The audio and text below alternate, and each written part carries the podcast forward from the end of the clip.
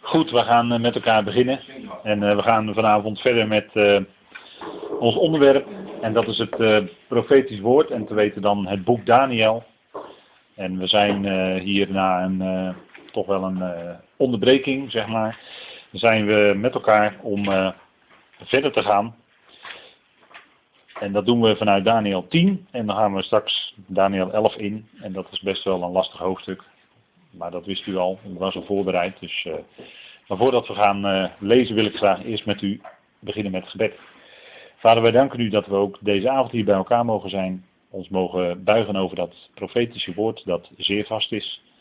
En dat schijnt als een licht in een duistere plaats, Vader. En dank u wel dat wij die overmaat van licht in ons leven kennen. Vader, dank u wel dat we door uw geest en door uw zoon verlicht worden Vader, zodat we kunnen zien wat u bedoelt in uw woord. En we hebben steeds wijsheid nodig om het te verstaan. Vader, we danken u dat we diep mogen beseffen dat al wat u doet ten diepste uit uw liefde voortkomt. Het is niet zomaar een plan, maar het is een geweldig plan, Vader, wat u voltrekt met deze schepping, met deze wereld.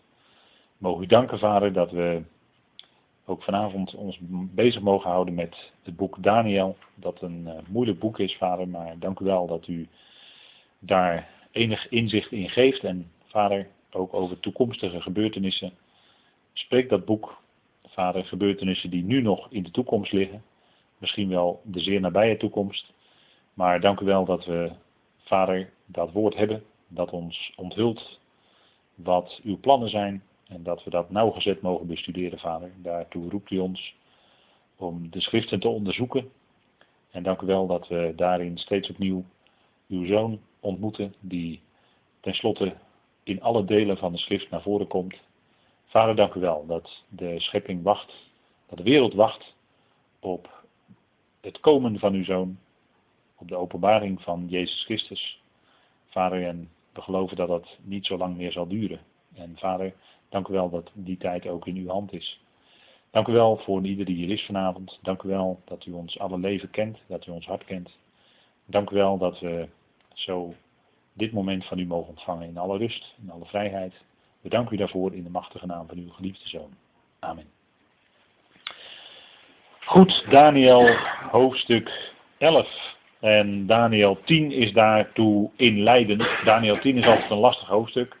Waarom? Omdat Daniel 10 spreekt over geestelijke achtergronden van profetie, zo zou je dat kunnen zeggen. In Daniel 10 wordt gesproken over de vorst van het rijk der Persen. Er wordt gesproken over een 21 dagen lang tegenhouden van een andere hemeling. En zo zien we eigenlijk dat hè, als er gesproken wordt over de vorst van Griekenland en over de vorst van Perzië, dan zien we dat dat geestelijke machten zijn die kennelijk, die kennelijk uh, op een of andere manier de geestelijke jurisdictie over een koninkrijk of over een land hebben. En die geestelijke vorsten, dat moet u niet onderschatten, die beïnvloeden ook vandaag de dag de regeringen. En dat doen ze al dan niet door bemiddeling van misschien andere boodschappers, misschien mensen wie zal het zeggen, maar dat er zeker een geestelijke achtergrond zit achter het wereldgebeuren. En met name achter de leiders van deze wereld. Dat mogen duidelijk zijn. Ga op onderzoek uit, maar dat adviseer ik niet aan iedereen. Maar ga op onderzoek uit en u zult daar achter komen. En daar spreekt dus Daniel 10 over, want wij weten dat dus uit de schriften. En dat is de beste informatiebron om te weten hoe het zit in geestelijk opzicht. Um, en dus in de schriften zien we dus dat er geestelijke machten zijn die achter aardse machten staan. En die aardse machten die zijn zich niet altijd bewust van het feit dat zij gemanipuleerd worden. En manipuleren is dan misschien het verkeerde woord bij geestelijke machten, omdat die geen handen hebben. Maar u begrijpt wel wat ik bedoel. En uh, ja, dat, is toch, uh, dat zijn toch zaken die we goed uh, onder ogen moeten hebben. En zoals gezegd, Daniel 10 is inleidend op het visioen van Daniel 11. En de sleutel daarvan zien we in het 14e vers van hoofdstuk 10. Want dat voorgaande, die verschijning, die heerlijke verschijning, aan Daniel, waar Daniel uh, ontzettend diep onder de indruk van was, laat ik het zo zeggen, die zei tegen Daniel, of die verscheen aan Daniel en die zei ook iets tegen Daniel, namelijk in vers 14, ik ben gekomen om u inzicht te laten krijgen in wat uw volk, dus het volk Israël uiteraard, aan het einde van de dagen, er staat hier in later tijd, in de herziene statervertaling, maar er staat letterlijk aan het einde van de dagen, aan het einde van de dagen uh, zal dat volk, wat dat volk zal overkomen. En uh, dan staat erbij, want het is een visioen. Daniel zag natuurlijk een visioen. Voor de toekomstige dagen. Of voor toekomstige tijden, zo u wilt. En dat is uh, denk ik goed om te beseffen. Dat het een visioen is. Dus Daniel krijgt een visioen en daarin ziet hij wel uh, nauwgezet de gebeurtenissen die zich zullen afspelen in de tijd die toewerkt naar de tijd van het einde, die toewerkt naar de tijd van dat de Messias Jezus zal komen. En van vanaf dat moment um, gaat dus dat visioen, zeg maar, uh, komen. En Daniel die is dan, omdat hij dat hoorde, vers 15, Daniel 10, vers 15. Toen hij in deze bewoordingen met mij sprak, hield ik mijn aangezicht naar de aarde gericht en verstomde. Dat is toch merkwaardig. En dat verschijnsel doet zich wel vaker voor dat een profeet een ontmoeting krijgt met een hemeling, een hemelse boodschapper zou je kunnen zeggen. Maar uh, dat die profeet zodanig uh, verstomd is door die verschijning dat die uh, niet kan spreken. Terwijl een profeet juist bedoeld is om te spreken. Dus het is eigenlijk wel bijzonder dat wat hier ook van Daniel gezegd wordt, uh, dat hij niet kan spreken op dit moment. En dat, dat verschijnsel doet zich wel vaker voor. Als u denkt aan Zacharias, in verband met de geboorte van Johannes, die kon ook niet spreken. He, die, die, was priester en hij ontmoette, dus was ineens een hemeling, een hemelse boodschapper. En die uh, zei iets tegen hem en toen kon Zacharias niet spreken. Tot het moment dat Johannes geboren was. En zo heb je wel vaker van die uh, momenten dat er ineens gezegd wordt dat die en die niet sprak. En bij wie kunnen we dat bij uitstek vaststellen? Dat kunnen we bij uitstek vaststellen in het geval van de Heer Jezus zelf. U kent het proces wat hij onderging. Hij kwam voor Caiaphas, hij kwam voor uh, Pilatus. En dan zei hij eigenlijk heel weinig. En dat is heel wonderlijk. Wij zouden zeggen van nou, hij moet zich goed verdedigen. En uh, hij zou zichzelf als het beste natuurlijk zijn eigen advocaat kunnen zijn. Maar ook hij sprak niet, hè? hij zweeg. En kijk, dat zwijgen staat natuurlijk niet voor niks. Dat zwijgen heeft namelijk te maken met de tijd waarin wij nu leven. Want de tijd waarin wij nu leven, uh, dus wat ik eigenlijk zeg is, het staat eigenlijk typologisch voor de tijd waarin wij nu leven. Dat zwijgen. Omdat de tijd waarin we nu leven wordt gekenmerkt door de Heer die zijn aangezicht verbergt. Wij komen in diverse plaatsen in de schriften tegen dat hij, God tegen Israël zegt dat hij zijn aangezicht zal verbergen. En dan zegt hij het is voor een ogenblik. En natuurlijk is voor God een ogenblik is 2000 jaar. Maar dat is twee dagen hè, voor God. Dat weet u hè. Nou, dus dan zwijgt God, hè, want uh, velen vragen zich af, ja waar is God nu en waarom spreekt God niet? Nou hij spreekt wel, maar dan moet je in de Bijbel lezen. En dat wil men meestal niet. Hè. Dus dan zegt men van nou God spreekt niet. En uh, vroeger sprak hij wel door de profeten. Nou dat doet hij nog steeds, alleen moet je de schrift openen. Dan weet je dat hij spreekt. En heel veel ook. En heel veel voor vandaag. En in Jezaja vinden wij bijvoorbeeld een uitroep van de, van, uh, de profeet. die dan vermeldt och, of dat u de hemelen zou scheuren. Of dat u de hemelen zou openscheuren. He? En, en, want de hemel lijkt wel van koper. God zwijgt. Nou, dat is deze tijd. God spreekt niet rechtstreeks. Hij heeft in het laatste van de dagen tot ons gesproken door de zoon, zegt Hebreeën. Maar dat is dan het laatste en dan daarna uh, werd het stil. net zoals je, eh, wat wij kennen als de zogenaamde intertestamentaire periode. Tussen, uh, laten we zeggen, Malachi en Matthäus, hè, die blanke bladzij in uw Bijbel. Nou, dat is ongeveer 400 jaar. Maar die staat eigenlijk model voor deze tijd waarin we nu leven, waarin God zwijgt. Maar Gods woord is compleet, dat is een heel belangrijk punt hoor, bij Paulus. Gods woord is gecompleteerd. Colossens 1 vers 25. Heel belangrijk punt om dat te beseffen. En daarom zijn er nu geen profetieën nodig.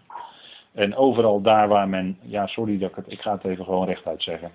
Overal daar waar men zegt, zo spreekt de Heer. En dan, zegt, en dan wordt er gezegd in deze en gene gemeente, oh dat is een profeet. Nou, dat is nog maar de vraag. Nou, het is misschien wel een profeet, maar het is de vraag of het een profeet van Yahweh is, of dat het een echte profeet is. Of, dat het, eh, het geen echte profeet is. Want zulke profetieën, zo spreekt de Heer, is uh, dan ofwel uh, een uiting van iemand zijn eigen bedenksels, laat zo maar zeggen, of zijn eigen geest. En dat moet je dus toetsen aan de schrift.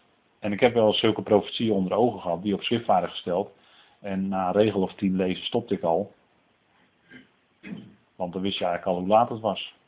dat dus de betreffende profeet wel had gezegd, zo spreekt de Heer. Maar dat het dus niet de Heer was die door hem sprak. Maar dat het gewoon zijn eigen geest was. Of zoals uh, Ezekiel zegt, het zijn profeten die profeteren naar wat zij zelf gezien hebben. Of moet ik Jezaja aanhalen, of moet ik Jeremia aanhalen. Dat zijn de zogenaamde broodprofeten. Die, die verkondigen wat de mensen graag willen horen. Dat zijn broodprofeten. En het gaat vaak ook letterlijk om den broden. Hè. Ze verdienen eraan. Of ze verdienen daar de kost mee. Of wat dan ook. Nou, het zal allemaal wel. Maar zijn er dan ook profeten die zeggen wat God zegt? Als het, het is echt meestal zo dat zulke profeten profiteren uit hun eigen hart. Of ze willen dan soms ook de dingen naar hun hand zetten of wat dan ook. Nou, laten we er maar gauw over ophouden. Maar het is in ieder geval zo dat uh, de Heer in deze tijd in zekere zin zwijgt. Voor de gelovigen niet. De gelovigen is het oor geopend. Hè, is het oor doorboord, weet u wel. Die slaaf aan de deur, hè, Deuteronomium. De slaaf aan de deur, die kon zijn oor laten doorboren. Dat is natuurlijk een type van dat het woord, het woord in het oor komt en ook het hart bereikt. Dan wordt ook je oor doorboord namelijk. Hè. Dus dat, dat wil dan natuurlijk eigenlijk uitbeelden. Uit, Want die slaaf, dat is, dat is natuurlijk ook een, een, beeld van iemand die graag zijn Heer wil blijven dienen. Die wil graag die woorden van die Heer blijven horen. En dat is ehm, wat uh, een profeet ook is. Hè. Die heeft oren die doorboord zijn. En die wil alleen maar spreken wat God zegt. En uh, kijk, soms heel merkwaardig. zo'n Ezekiel bijvoorbeeld, zo'n profeet Ezekiel David werd bij zijn roeping al tegen hem gezegd. Ezekiel, jij moet Gods woorden spreken, maar ze zullen niet naar je luisteren. Dat is wel heel vreemd, hè? Maar hij moest, wat, want wat moest gebeuren? Nou, gewoon het woord van God moest gesproken worden. En eh, of ze dan de meesten uit Israël daar niet naar luisterden, dat is een heel ander verhaal. Maar het woord moest gesproken worden. En het was voor Ezekiel dan helemaal niet van belang uh, of hij nou wel of geen grote aanhang. Ik denk, als je echt het woord spreekt, dan heb je meestal niet zo'n grote aanhang hoor. Dan kom je meestal in een steeds uh, eenzamere positie terecht. Kijk maar naar Paulus. Kijk maar naar de Heer Jezus. Hè? Kijk maar naar de profeten. Wat daarmee gebeurd is. Hè? De, de Heer Jezus sprak erover. Dus een profeet die verstomde bij gelegenheid. En dat is een beeld, een uitbeelding van onze tijd. En moet u maar eens nalezen de leidersgeschiedenis van de Heer Jezus. Dat hij dan zwijgt. En dat zwijgen staat daar eigenlijk ook als beeld van. Van deze tijd. Goed, maar we gaan even verder met Daniel 10. En Daniel die zegt dan, maar zie, iemand die leek op een mensenzoon, of die leek op een van de mensenzonen, raakte mijn lippen aan en toen opende ik mijn mond en ging spreken. En ik zei tegen hem die tegenover mij stond, mijn heer, vanwege het visioen hebben mij weeën overvallen, zodat ik geen kracht meer over heb. Hoe kan de dienaar van deze, mijn heer, dan spreken met u, mijn heer? Want wat mij betreft, van nu af aan, is er geen kracht in mij aanwezig en is er geen adem in mij overgebleven. Toen raakte hij, die het uiterlijk had als van een mens, mij opnieuw aan en hij versterkte mij. En dan kunnen we natuurlijk over twisten wie dit dan is. Of dit dan de engel, de engel of de boodschapper van de boodschapper van de Heer is. Of dat dit de Heer zelf is. Nou, misschien maakt het ook niet zoveel uit allemaal. En hij zei tegen mij, wees niet bevreesd, zeer gewenste man, of begeerenswaardig man. Vrede zij u, wees sterk, ja wees sterk. Terwijl hij met me sprak, werd ik versterkt en ik zei, laat mijn Heer spreken, want u hebt mij versterkt. Toen zei hij, weet u waarom ik naar u toe ben gekomen? Nu zal ik terugkeren om tegen de vorst van Perzië te strijden. En zodra ik vertrokken ben, zie, dan zal de vorst van Griekenland komen. En ik zal u echter vertellen wat is opgetekend in het boek van de waarheid, al maakt niet één zich met mij sterk tegen hen, behalve uw vorst Michael. En Michael, dat betekent wie is als God. En ook hier wordt natuurlijk niet voor niks gesproken over de vorst van Griekenland. Of in de Statenvertaling staat dan Jawan, maar Jawan is Griekenland. He, dat even voor de volledigheid. Uh, Perzië is uh, de vorst van Perzië. Uh, dat is natuurlijk het uh, Perzië dat we vandaag aan de dag nog kennen als het huidige Iran. Maar hier wordt dan ook eigenlijk een duidelijke aanwijzing gegeven waar het naartoe gaat in de eindtijd, om het zo maar te zeggen, in het laatste van de tijden. Hoe moet ik het zeggen? Dat is altijd een beetje een moeilijk verhaal, want uh, ja, sommigen die zeggen van nou, je kan niet, uh, je kan niet uh, uitleggen wat er gaat gebeuren omdat het nog in de eindtijd is. Het gaat allemaal in de toekomst gebeuren. Dat is ook zo. Maar je hebt wel sleutels om een richting te zien waarin de ontwikkelingen van het wereldgebeuren zich zullen afspelen. En we zien hier dus Perzië en daarna de vorst van Griekenland. En het is dus eigenlijk wat we ook in de vorige hoofdstukken al gezien hebben, dat de, iemand, hè, een kleine horen, die werd groot, en die kleine horen die groot werd, heeft te maken met Griekenland. Het is niet uh, Rome wat in de eindtijd een rol speelt, maar de wereldstad van de eindtijd is tenslotte Babel.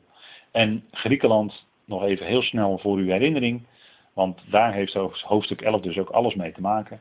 Griekenland kende op een gegeven moment een snelle veroveraar, namelijk Alexander de Grote, die uitgebeeld wordt door de bok, die met grote snelheid over de aarde ging, wiens poten de aarde niet raakten, dat duidt op grote snelheid. En hij veroverde dan ook in no time, in zeer, zeer korte tijd, een wereldrijk. En dat uh, strekte zich uit tot, de, tot aan India. En uh, Babel werd de hoofdstad. En hij overleed plotseling in Babel, in Babylon.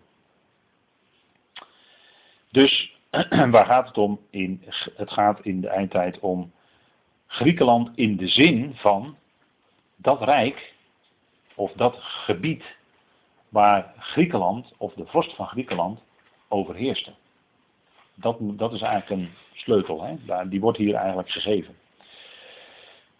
Eerst wordt er gezegd Perzië. Perzië staat ook voor de breuk. Ik wil u even op een andere. U denkt natuurlijk aan het koninkrijk Perzië, en dat is terecht, want daar gaat het ook over in, de, in het boek Daniel. Maar Perzië betekent ook breuk. En ik had het net al over dat verstommen van Daniel.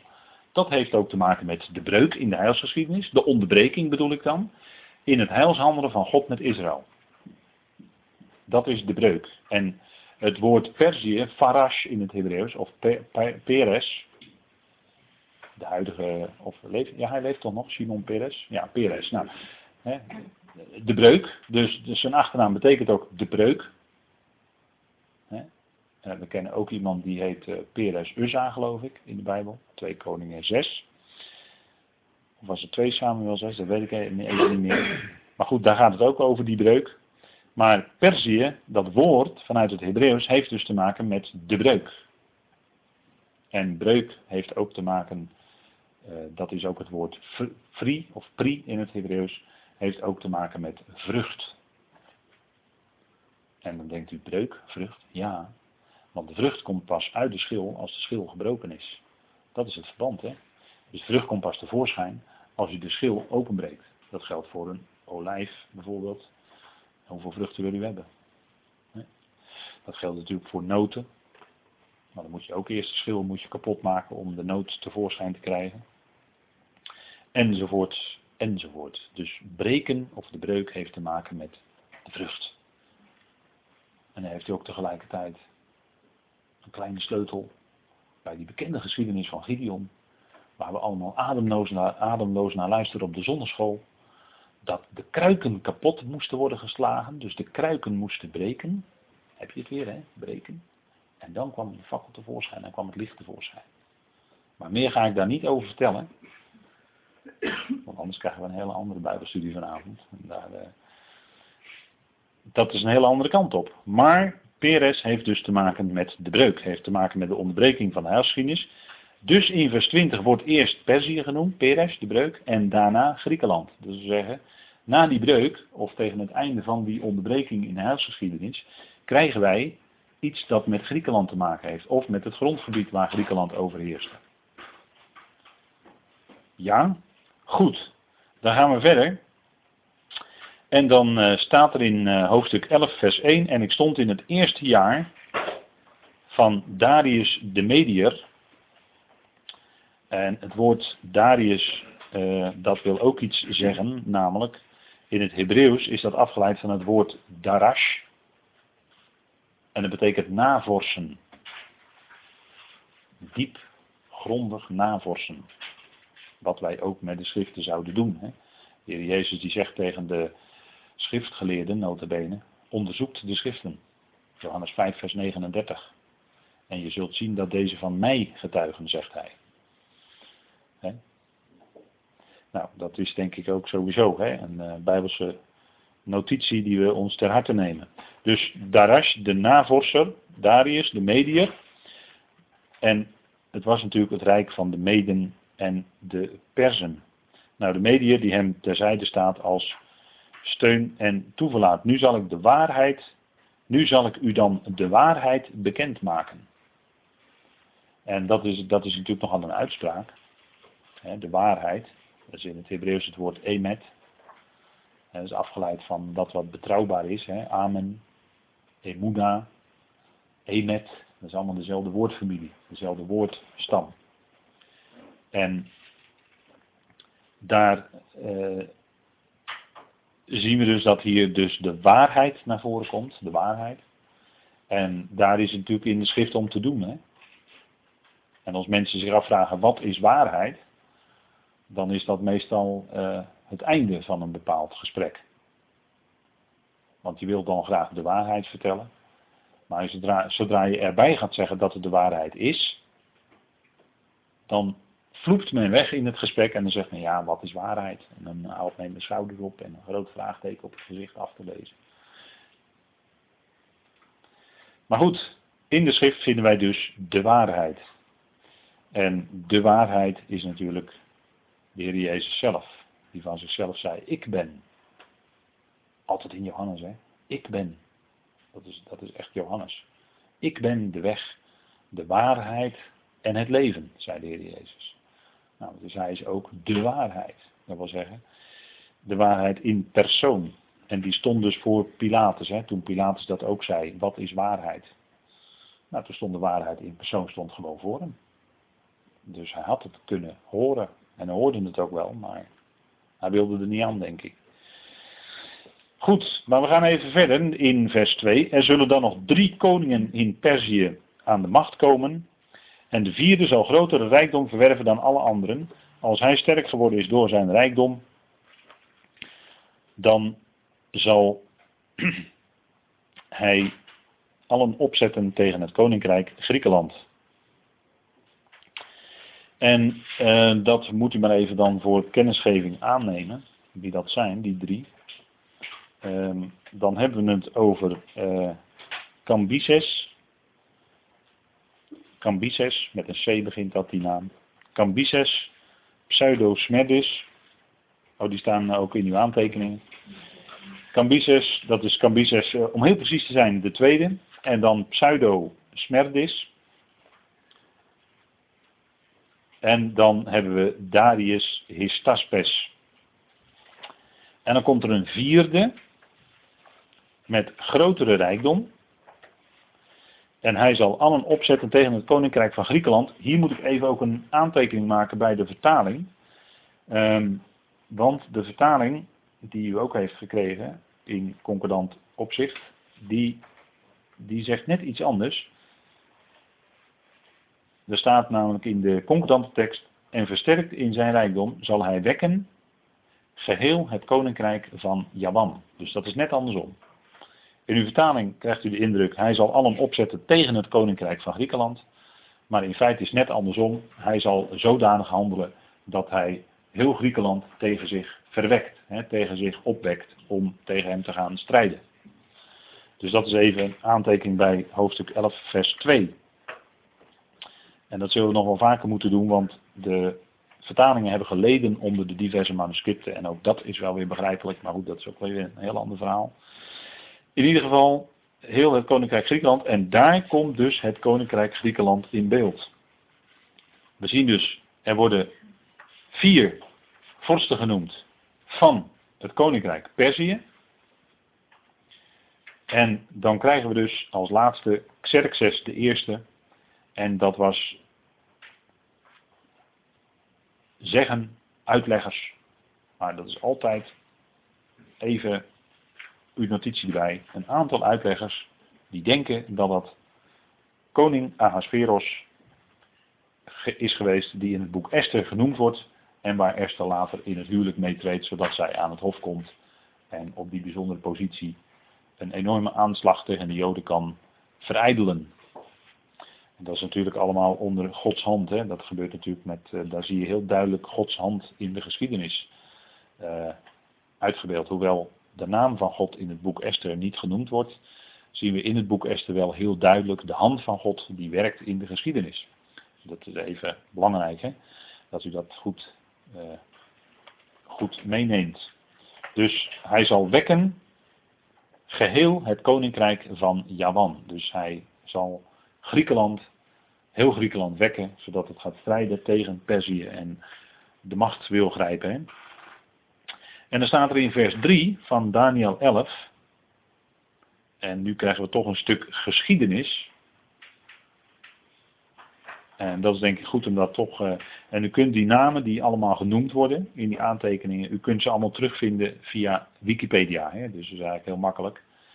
Uh, dat is toch wel, wel aardig, want daarin staat redelijk, redelijk betrouwbaar materiaal. Je moet altijd even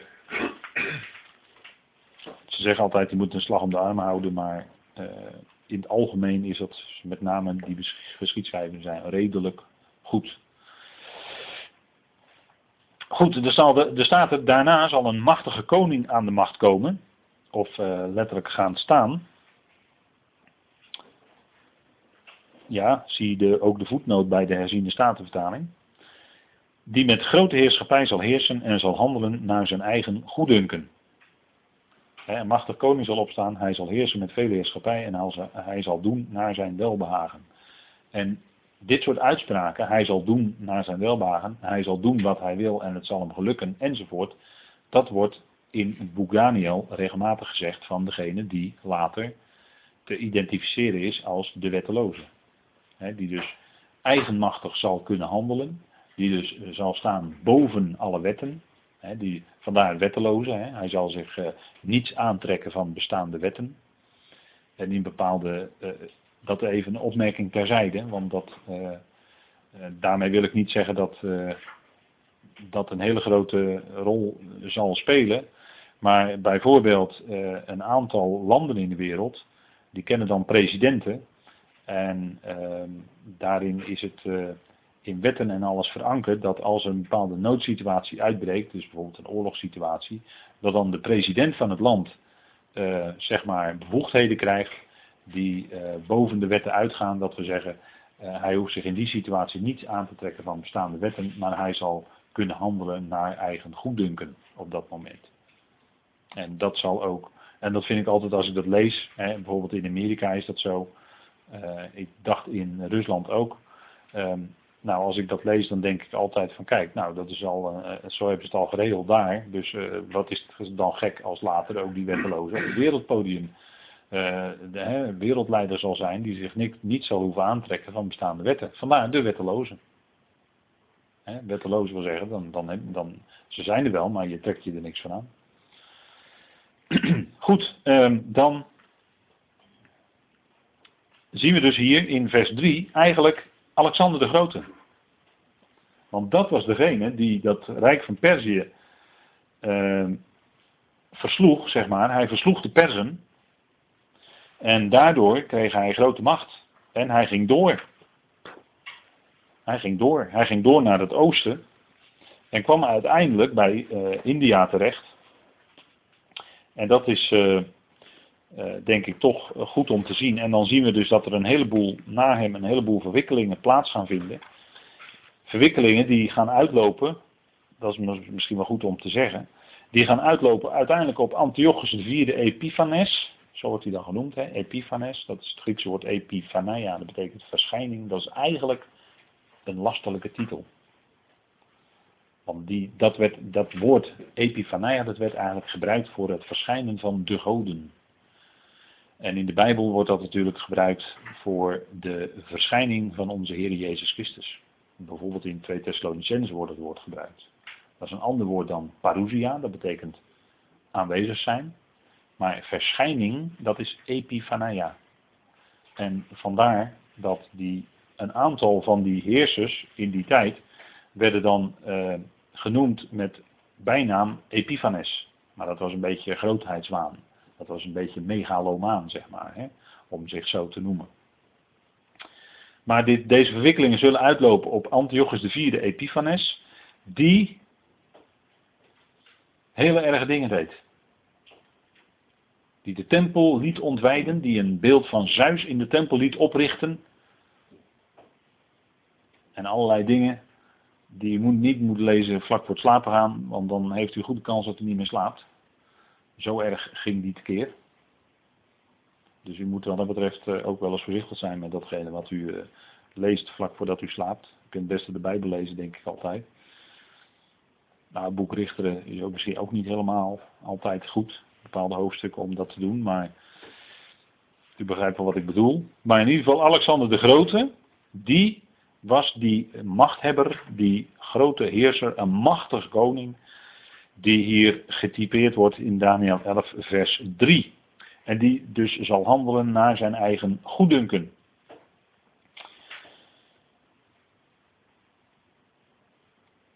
En zo zullen we zien dat in dit boek Daniel eigenlijk in grote snelheid een paar honderd jaar passeren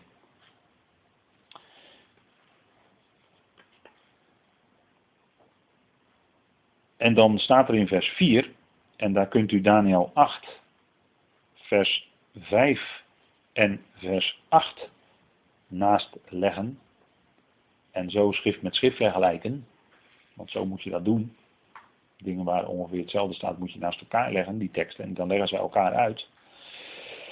Zodra hij echt aan de macht komt, Daniel 11, vers 4, zal zijn koninkrijk gebroken worden en gedeeld worden naar de vier windstreken van de hemel, maar niet voor zijn nakomelingen en niet overeenkomstig de heerschappij waarmee hij had geheerst, want zijn koninkrijk zal uiteengerukt worden en zal zijn voor anderen dan voor hen.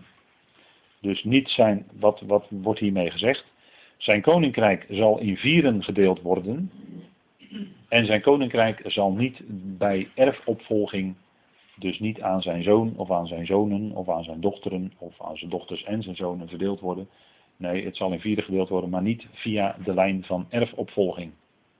Dat wil vers 4 eigenlijk zeggen. En dat is ook wat de geschiedenis ons leert, want wij weten uit de geschiedenis dat er na hem een strijd ontstond, maar op een gegeven moment waren er eh, vier generaals. En die vier generaals die um,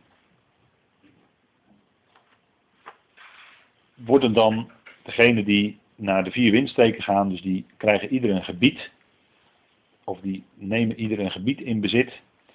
En dat kunnen we ook bijvoorbeeld lezen in Daniel 8, vers 8. En die vier generaals, dat zijn dan Cassander, u ziet dat staan, hè? die kreeg dan Macedonië en Griekenland. Lysimachus kreeg Klein-Azië en Thracië. Seleucus, eerste, de eerste Nicator, want er wordt uh, het gaat dan van 1, 2, 3 enzovoort. Hè, bij, bij opvolging. Nicator, die kreeg dan Mesopotamië en Syrië. En Ptolemeus Lagus, die kreeg Egypte en Palestina. De De mannelijke geslachtslijn van Cassander stierf al uit in 285 BC, hè, voor Christus. En zijn rijk werd overgenomen door dat van Lysimachus. Al dus komen er drie Hellenistische dynastieën aan de macht. Wij zien dan achtereenvolgens de Seleuciden in Perzië, dus de opvolgers van Seleucus in Perzië, de Ptolemeën in Egypte en de Antigoniden in Alexanders thuisland Macedonië. Bron, dubbele punt, Wikipedia. Kunt u gewoon allemaal nakijken. Dus hier zien we het verdeeld worden in die vier generaals. En dat is ook, als u iets weet van die geschiedenis, heel bekend. dit is heel bekende kost als u dat leest. En het is via diverse geschiedschrijvers allemaal wel terug te vinden. Dus dat is vers 4. Dus de vier winden, hè, dus uh, noord, oost, zuid, west. En dan krijgen we in Daniel 11 een aantal oorlogen, en u heeft dat hoofdstuk ongetwijfeld gelezen. Oorlogen tussen het noorden en het zuiden. Dus de koning van het noorden en de koning van het zuiden. Wat op een gegeven moment zal uitmonden in de komst van een koning van het noorden. En die zal blijken te zijn de wetteloze. Hoogstwaarschijnlijk. Dus wij zien dat in de, in de versen die hier volgen, zullen we dat terugzien. Goed, dan zien we in vers 5 van Daniel 11. Dan gaat de geschiedschrijving verder.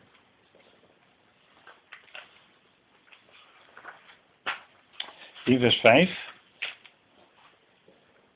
En dan zien we dat dus het oosten en het westen in feite weggevallen zijn. En dat uiteindelijk het noorden en het zuiden gaan overheersen. Het noorden, dat zijn de Seleuciden. En het zuiden, dat zijn de Ptolemeën. Dus dat is Egypte en dergelijke en, en om, omringende gebieden. En het noorden is dan ten noorden van Israël, zeg maar. En dan zal er allerlei strijd plaatsvinden. En dan de eerste is dan Ptolemeus. En dat is uh, Ptolemeus Soter. Uh, ze noemen zich uh, in grootheidswaan. Soter betekent verlosser. Dus dat is ook weer zo'n megalomane bijvoeging hè, bij die naam. En de andere was dan Seleucus Nicator van het noorden. Nou, 11 vers 5, dat zegt, dan zal de koning van het zuiden sterk worden, of versterkt worden, maar een van zijn vorsten zal sterker worden dan hij en heersen. Zijn heerschappij zal een grote heerschappij zijn. Dus dat is dan in het zuiden Ptolemeus Soter. Na verloop van jaren, en dat is mogelijk een periode van 50 jaar, want er staat na verloop van jaren of aan het einde van de jaren. Vers 6. Aan het einde van de jaren zullen zij zich verbinden. De dochter van de koning van het zuiden zal komen tot de koning van het noorden om met hem een overeenkomst te maken. En dat is waarschijnlijk een huwelijksovereenkomst, want zo gaat dat onder koningshuizen en dan wordt er onderling gehuwd. En dat heeft als doel natuurlijk de macht, de wederzijdse macht te versterken. Het is natuurlijk ook een vorm van politiek. Dat mogen ook bekend zijn. Hè? En uh, daarmee wil men, want als u uh, de vorstenhuizen van Europa bijvoorbeeld gaat bestuderen, dan zult u zien dat er onderling nogal gehuwd is. En dat is natuurlijk allemaal om die, om die vorstenhuizen wederzijds te versterken, hè? de banden te versterken en dat soort zaken. En je kunt elkaar natuurlijk ook als het ware enigszins in de greep houden dan. Hè? Daarmee. Nou, ongeveer 50 jaar, dus aan het einde van deze jaren. De dochter van de koning van het zuiden is Berenice. Berenice. En als je dat uh, modern zegt, dan is dat Veronica. Maar u weet ook met de taal gaat en dan kunnen die, die, die medeklinkers die kunnen wel een beetje anders uitgesproken worden. En uit de Seleuciden is het Antiochus II. Theos, die gehuwd was met een zekere Laodike, vandaar Laodicea, die is dus naar haar vernoemd, die plaats. Antiochus II, Theos, hè, let u hier weer op de bijvoeging. Uh, Theos is eigenlijk wat in Bijbel vertaald wordt met God. Dus ook dat is weer zo'n aanduiding dat ze het hoog in de bol hadden. Te hoog als je het mij vraagt. En die was gehuwd met uh, Laodike. En de koning van het zuiden was dan in die tijd Ptolemeus Philadelphus. En de strijd werd beëindigd met een huwelijk, namelijk Antiochus II trouwde met de dochter van de koning van het zuiden. Dat was dus Berenice en scheidde daarvoor van Laodike, die hem aangezet. En die Laodike, die had hem dus aangezet tot oorlog tegen de koning van het zuiden. En op deze wijze werd dus die uh, oorlog beëindigd. Hè. Dit was dus een, ook een vorm van strijd, namelijk de dochter uithuwen aan de ander en dan, nou ja goed, dan wordt de strijd beëindigd. Dan moet je het, uh, dan krijg je een soort, uh, ja, schaaksituatie, schaakmatsituatie. En zij, Laodike, onterfde haar zoon, dat was Seleucus II. En die waren dus aan elkaar verwant. Maar zij koos voor haar echtgenoot. En als gevolg daarvan, en zo gaat het ook wel eens helaas onder koningshuizen, Berenice en haar getrouwen werden omgebracht door Laodike. En er bestaat natuurlijk een goede kans dat het gebeurde door vergiftiging. Want zo gaat dat, hè. Ook tot hele, in hele bekende situaties aan toe. Dus zo'n strijd werd er dan uh, uitgevochten. Hè? Dus dat, uh, dat zegt dan dat uh, zesde vers. Om die overeenkomst, dat was dus een huwelijksovereenkomst. En dan staat er, zij zal niet behouden de kracht van zijn zaad. Hè? Want de dochter gaat toch de eigen gang. Hij zal niet staan, nog zijn zaad. En zij zal gegeven worden, zij en degene die haar deden, komen en die jonge vrouw en die haar versterkt heeft in die tijdvakken. Nou, dat is wat ik net vertelde. Dus dat huwelijk van die dochter van de koning van het zuiden met de koning van het noorden. En uh, dat liep wat anders uit dan de moeder van die dochter had beoogd. dat, dat, is, dat is dus wat een andere, andere gang gegaan. Goed, dan in vers 7 staat, en er zal opstaan vanuit de scheut van haar wortelen in zijn plaats, en hij zal komen met heerkracht of legerkracht. Hij zal komen in de sterkte van de koning van het noorden, en hij zal met hem doen, en hij zal versterkt zijn. Dus uit de scheut van haar wortels, dus uit, de, uit haar ouders,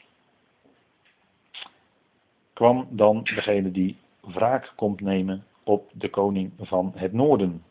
En degene die wraak komt nemen, dat is de broer van die Berenice, de zoon namelijk van de scheut van haar wortels, is de zoon van haar ouders, dat is Ptolemeus de derde.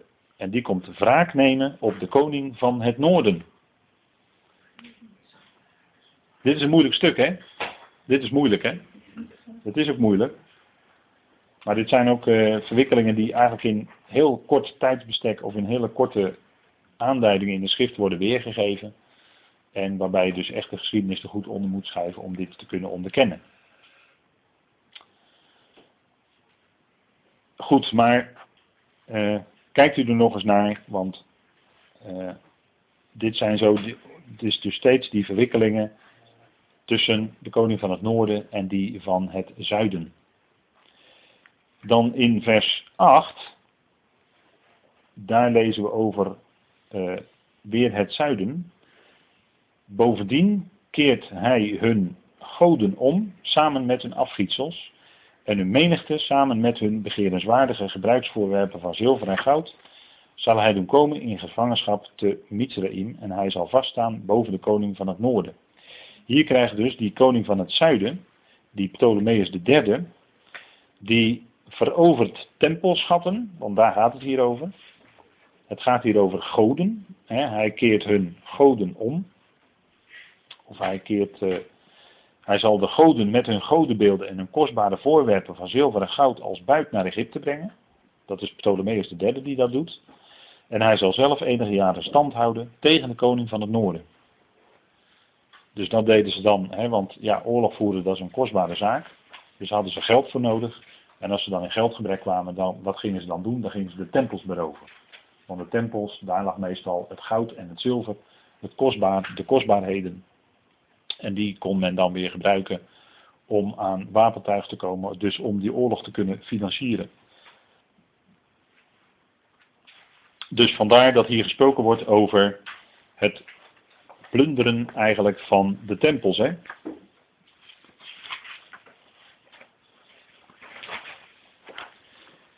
En u ziet dat ook in uw bijlage. Dus die Ptolemeus III, die komt wraak nemen op zijn zuster, die zij in het noorden vermoord hadden. Dat was dus Berenice. Dat was de zus van die Ptolemeus. De kostbaarheden komen in de tempel. Op godsdienstige gronden kun je namelijk mensen, kun je namelijk de mensen het makkelijkst hun geld afhandig maken. Hè? Dus in de godsdienst, daar geven, als mensen godsdienstig zijn of religieus, dan geven ze graag daar geld voor. Kijk maar in eh, betrekkelijk arme gebieden, daar verbaas je dan wel eens over. In betrekkelijk arme gebieden van de wereld, waar je dan kerken hebt. En als je dan in die kerken kijkt, dan is dat pracht en praal. En dan denk je van ja, al dat geld wat nu in die kerk is gestoken en al die schatten. Uh, ja, dat is, uh, hè,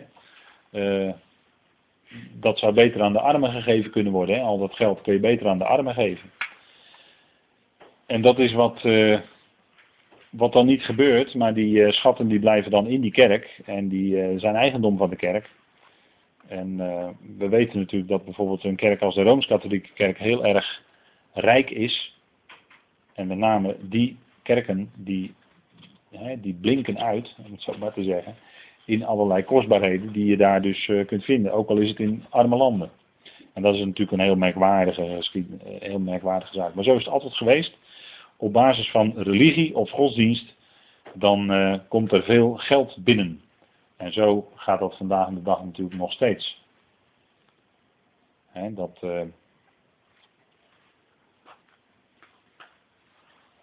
dat gebeurt natuurlijk vandaag de dag nog steeds, dat er in allerlei, in allerlei christelijke samenkomsten, laat ik het zo maar zeggen, dat men toch vaak dat er vaak op een bepaalde manier eh, toch eh, met, eh, met collectors wordt omgegaan, met geld en, en noem maar op. Hè, dat geld gegeven moet worden. En nou ja, goed, soms weet de betreffende prediker of genezer weet daar behoorlijk het publiek mee te bespelen. En dan, dat brengt ook aardig wat geld op, om het zo maar te zeggen. Maar goed, dus daar spreekt vers 8 over, over dat gebeuren hè, van religie en dat je dan met religie eigenlijk uh, veel geld binnen kan halen. En dan in vers 9, dus het is steeds een wisselwerking, hè, want dan de koning van het zuiden, die heeft dan in deze verse even de overhand en daarna krijgt de koning van het noorden weer de overhand. Dus het is eigenlijk steeds om en om, hè. het is de, de een na de ander.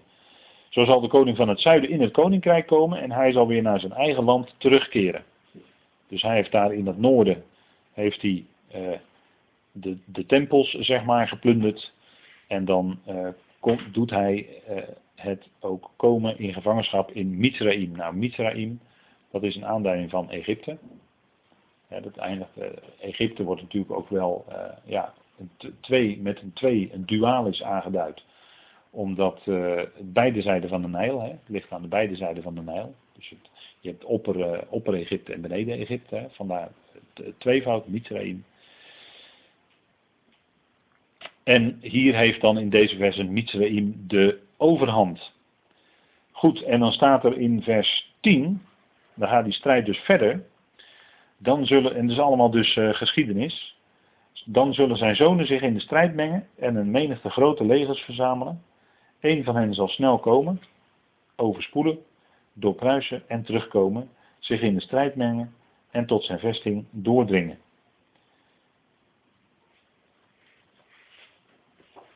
En daar zien we dus de twee zonen van de koning van het noorden, Seleucus dus, de zonen van Seleucus, en trek op.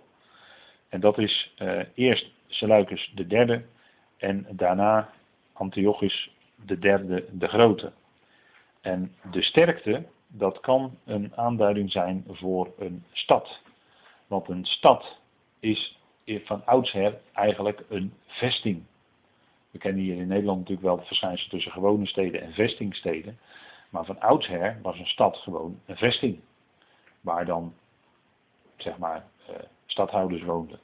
En die hadden dan een bepaald gebied onder zich. En die regeerden over dat gebied vanuit die vesting. En het was natuurlijk een vesting eh, zo gebouwd dat hij moeilijk inneembaar was. Dus uh, denk maar bijvoorbeeld ook aan Jericho. Je had in die tijd dat Jozua het land, onder Jozua het land veroverd werd, had je ook van die versterkte steden, onder andere Jericho, die dan maar moeilijk ingenomen konden worden. Behalve als Israël er 13 keer omheen loopt en dan storten de muren gewoon vanzelf in. Die hoeven daar verder niks voor te doen. Hè? Dat is dan weer uh, natuurlijk ook uh, eigenlijk heel aardig hoe dat gebeurde toen. Maar we zien dus dat hier uh, men komt tot de sterkten. En de vesting, zij willen dan de vesting doordringen. Dat zijn dan die veroveringen die dan gebeuren vanuit het noorden, want dat is natuurlijk weer een reactie op wat de koning van het zuiden net gedaan heeft. En dan krijgen we in vers 11 weer de koning van het zuiden als reactie op die noorderlingen, die strijd, die uh, komt weer een nieuwe strijd. En de koning van het zuiden zal verbitterd worden. Hij zal uittrekken en tegen hem de koning van het noorden oorlog voeren. Ook die zal een grote menigte op de been brengen, maar die menigte zal in zijn hand worden overgegeven. Nou, dat is dus vers 11. Uh, koning, dat is de koning van het zuiden, Ptolemeus Philopater. We hadden daarnet Philadelphia, dat was dus uh, een liefhebber van zijn broer, Philadelphos. En hier is het een liefhebber van zijn vader, want dat betekent de naam Philopater. Hè? Ptolemeus Philopater, de vierde in de rij dus. En die wint de slag bij Rafia. En dat is wel aardig, dat is nu Gaza. Dat is dus een gebied waar toen ook al omgevochten werd of ingevochten werd. En vandaag aan de dag weer. Ja, zo blijft het gaan. Hè? Gaza, daar waar de Filistijnen woonden. En daar waar nu weer de Filistijnen wonen. Hm? En waar, je, je hebt erop kunnen wachten natuurlijk, hè, al die jaren. Dat dit weer zou gaan gebeuren. Maar dat is dus wat, wat daar gebeurt. Een grote slag. Dat is de slag, zegt men, van uh, Ravia. En de noordelijken, dat is dus Antiochus, worden onderworpen aan het zuiden en moesten dus belasting gaan betalen. Want dat is wat je krijgt als je onderworpen wordt in politiek opzicht. Waaruit blijkt dat? Nou, dat je belastingen moet betalen. En uh, soms ook heel uitgebreid belastingen moet betalen. Dat, uh, daar, weet, uh, natuurlijk, daar weet men alles van. En zo'n zo'n belastingbetaler die zal in navolgende versen nog wel een rol gaan spelen. Maar goed, ik stel voor dat we heel even pauzeren met elkaar. Na deze geschiedenis. En dan gaan we na de pauze weer even verder.